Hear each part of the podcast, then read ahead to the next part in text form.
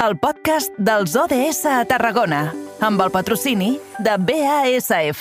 Carrer Major, la proximitat del Camp de Tarragona.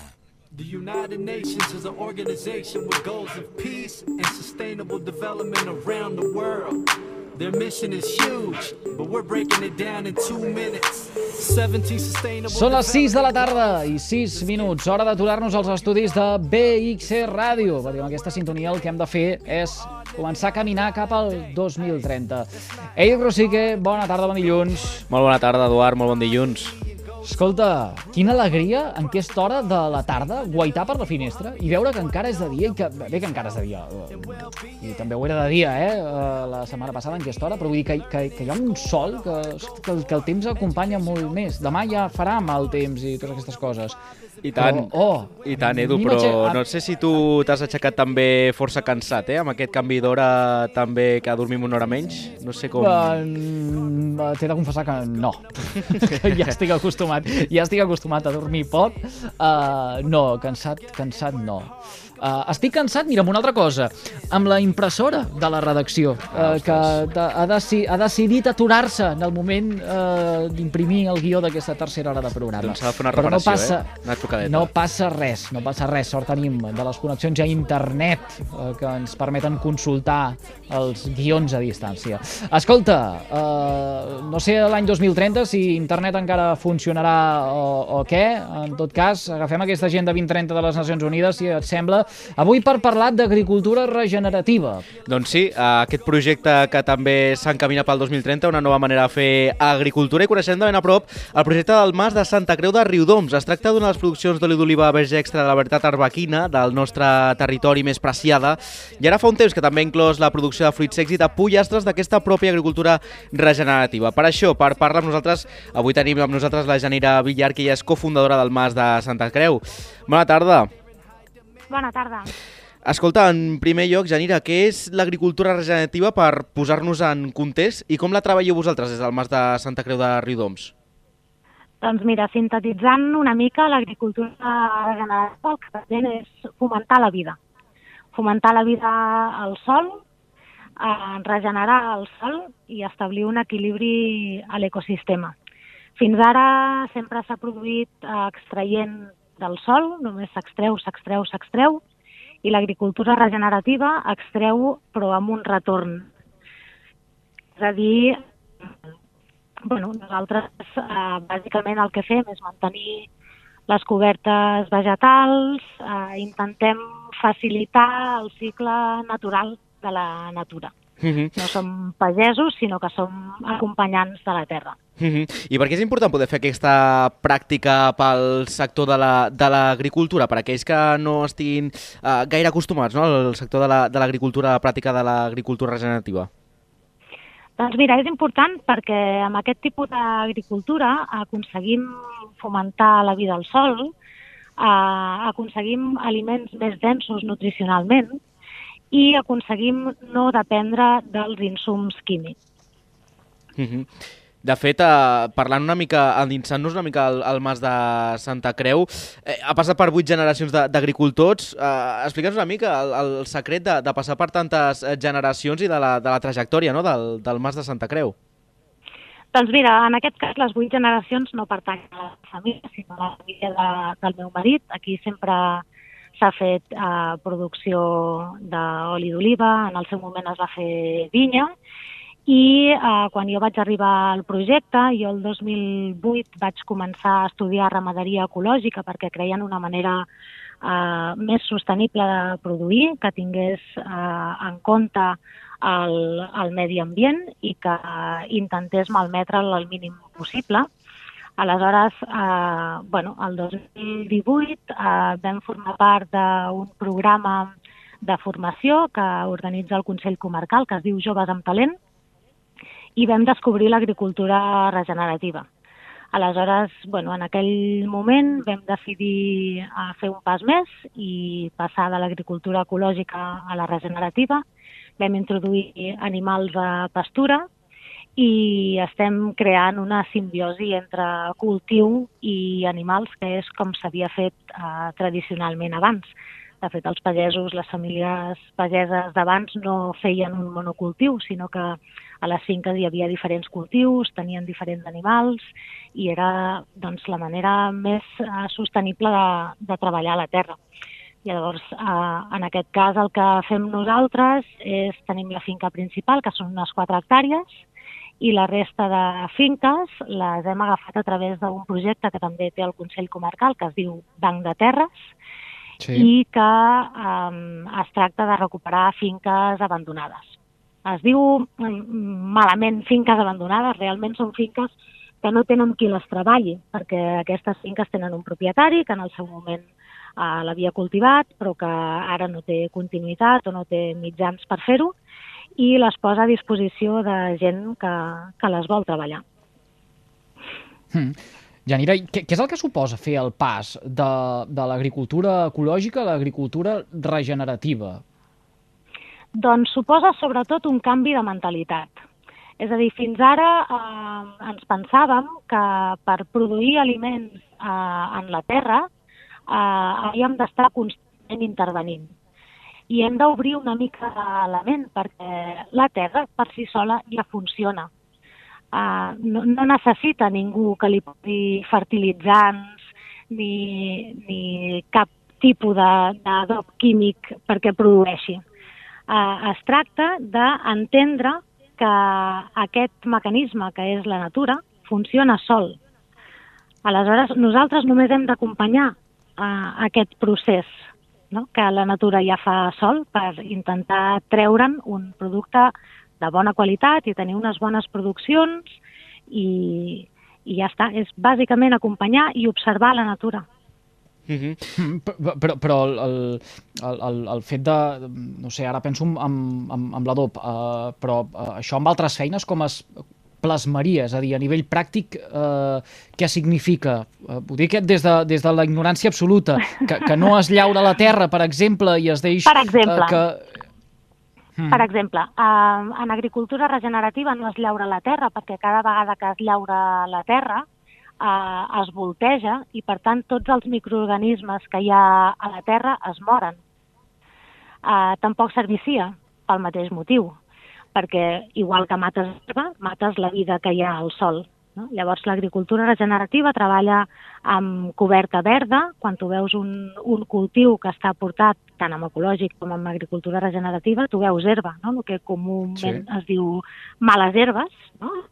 Doncs realment sí, sí. no són males herbes, són herbes que ens ajuden a regenerar el sol, que ens ajuden a, a tenir més activitat a, fotosintètica, per tant, ens ajuden a captar el diòxid de carboni que tant ens preocupa, no? a, a reduir aquest efecte hivernacle. No utilitzem adobs de síntesi química, nosaltres tenim uh, bestiar, en aquest cas tenim vaques i pollastres que pasturen entre els arbres i que ells de manera natural ja adoben. No? Um. En el cas de la poda, es fa, no es fa una poda com, com es feia abans d'escapçar els arbres, no? sinó que s'intenta fer una poda que emula la formació natural d'un arbre, no? intentant donar-li més llum, més aire, etc um, etc. I la producció és la, mate eh, és la mateixa ara quan eh, ens explicaves no? que, que, que no es perd. La, la producció és la mateixa o, o millora en, en qualitat, en eh, quantitat? No ho sé, eh? penso per exemple ara amb eh, pagesos que es dediquen a la viticultura eh, i que no, no, no fan eh, ni, ni agricultura regenerativa ni molt menys eh, eh agricultura ecològica, sinó eh, l'agricultura intensiva que, que podríem dir segur, quan arriba l'època de la barema, eh, eh, tots prefereixen, vaja, eh, com més quilos de raïm millor, com més remolcs plens i cremullats, més contents.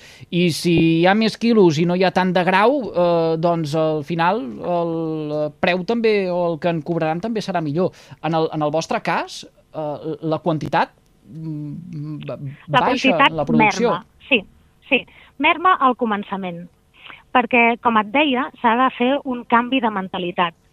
Uh, és evident que la producció merma perquè partim de sols molt castigats. Són sols que realment estan morts. No? Amb una agricultura convencional, eh, tu no tens microorganismes que et sintetitzin els nutrients perquè la planta els aprofiti. Per tant, per això depens dels insums. No? Quan tu fas aquest canvi, evidentment, la terra, com, com tot, necessita adaptar-se. No? I aquest procés d'adaptació és lent. Els primers anys tens una producció més baixa que la que podries tenir. Però quan tu ja tens el sol equilibrat, i parlo d'equilibrat en nutrients, minerals, etc, la producció s'estabilitza. Tu pots aconseguir una producció igual que en agricultura convencional. Uh -huh. En aquest sentit, Janira, et volia preguntar uh, la producció d'aquest uh, 2022, no? després de, també d'aquests anys uh, que, hem, que hem viscut, uh, quina és la situació ara mateix del, del Mas de Santa Creu de, de Riudoms, sobretot també en aquest debat que s'ha produït entorn a, a l'olivera, entre productors, entre agricultors de, de l'olivera. Vosaltres com ho heu viscut tot plegat? Bueno, eh, com et dic, és un procés lent. Nosaltres, al final, fa tres anys que ens hem convertit a l'agricultura regenerativa i som conscients i acceptem no? que els primers anys la producció serà baixa. Nosaltres no hem tingut ni molt menys la producció que esperàvem ni la que volem, però, però tenim esperança. I la, la producció d'enguany eh, es preveu bastant bona, tant en fruita seca com, com en oliva, i, i nosaltres mantenim, ja et dic, l'esperança de que aquest és l'únic sistema productiu que, que hauria d'haver-hi. No? Janira, jo et volia preguntar també uh, d'aquesta reinvenció que heu tingut, no? perquè hem parlat de, de l'oli de l'oli d'oliva verge extra que, que produïu, però també, com molt bé has explicat, també uh, uh, treballeu amb, amb fruita seca, uh, heu expandit no? una mica la, la, vostra, la vostra activitat. Mm -hmm. De fet, nosaltres, eh, totes les finques que recuperem, mantenim tots els cultius existents. Eh, abans, tradicionalment, com us he comentat, eh, no es feia un monocultiu. Era molt difícil trobar-te dues, tres, quatre hectàrees només de vinya o només d'oliver. No? Els pagesos doncs, tenien vinya, tenien oliver, tenien ametller, tenien avellaner, Aleshores, eh, bueno, nosaltres, com que hem recuperat aquestes finques, hem mantingut eh, tots els arbres que hi havien, per tant, tots els cultius que hi havien. Eh, nosaltres tenim avellaner, tenim ametller, tenim garrofer i, i també oliva arbequina, com bé has comentat a la, a la introducció. No? Eh, per nosaltres és una oportunitat per diversificar i, i a més a més, vull dir, jo crec que el sector és el que necessita, no? Vull dir, diversificar eh, està vist que quan hi ha una crisi, eh, si tu tens un monocultiu i aquell producte cau, eh, estàs venut. No? Llavors, eh, per això hem fet aquesta aposta i també hem, hem apostat molt fort per transformar tot el que produïm intentant evitar els intermediaris i intentant evitar que el mercat posi el preu que vulgui. No? I al final mm. són productes de valor i s'han de valorar com a tal. Janira, què és el més difícil a l'hora de recuperar aquestes finques que feia anys que no es treballaven pel eh, motiu que fos, eh, principalment eh, pel eh, decrement del nombre de pagesos que eh, a dia d'avui continuen dedicant-se a això, a l'agricultura, i, i després eh, també perquè eh, en un moment en què el camp es mecanitza, moltes finques deixen de treballar-se, sobretot aquelles que estan o que queden més penjades amb bancals o on eh, les uh, màquines hi tenen un accés més uh, complicat. Uh, què, què és el que ha estat més dificultós a l'hora de recuperar tots aquests terrenys? Doncs, mira, el més difícil eh, jo et diria que és eh, aguantar eh, econòmicament. És a dir, eh, requereix de molta inversió i moltes hores de feina i, i molta feina. Això és, el, és per mi, o per nosaltres, eh, el més difícil. No? El, el tema de les limitacions econòmiques, perquè, com us dic, eh, recuperar una terra, nosaltres en un any es pot, es pot començar a dar-li la volta a una finca.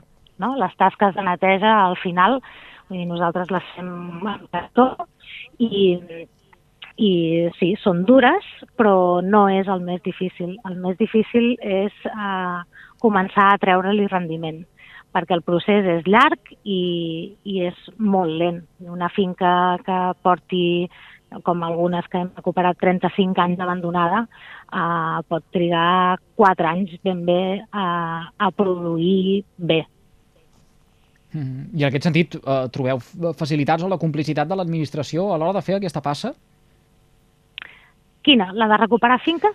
La, la, la, de, la de recuperar finques i, i sobretot, eh, tenir-ne per viure, perquè eh, recordo que fa 15 dies, màxim 3 setmanes, ara eh, no ho sé ben bé, eh, explicàvem també aquí en aquest mateix programa que eh, el sector primari, en concret els pagesos, eh, es van mobilitzar precisament eh, per... Eh, demanar que se'ls pagui eh, eh, pel preu d'allò que eh, realment estan treballant i val. Uh -huh. Mira, en, en aquest sentit, de l'ajuda de l'administració. Com us he comentat, aquí al Camp de Tarragona tenim una gran avantatge i és que el Consell Comarcal està fent una, una gran labor. No? I el Consell Comarcal eh, busca terres que, que no estiguin eh, cultivades pels seus propietaris, posa en contacte aquests propietaris amb gent que les vulgui, que les vulgui portar, no? que les vulgui fer productives i, i que vulgui mm. viure d'això. Llavors, en aquest sentit, sí, hi ha recolzament. Uh, en el sentit que comentes de que els pagesos volen que se li pagui el preu que val, i estic completament d'acord, però crec que si no sortim una miqueta del sistema que hi ha muntat, uh, això no arribarà mai.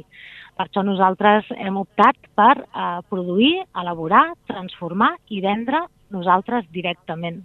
Si sempre hem de dependre d'un uh, organisme, digue-li X, uh, que es posi el preu i que, que valori la feina que fem, és molt complicat. Aquest matí ho parlava amb un altre productor.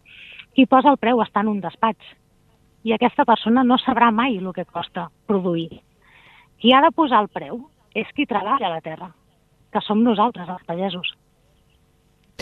Janira Villar, cofundadora de la Mas de la Santa Creu de Riudoms, eh, gràcies per compartir aquests minutets en directe al carrer Major de les ràdios de la xarxa al Camp de Tarragona. Enhorabona pel projecte i molta força. Moltes gràcies a vosaltres per fer d'altaveu.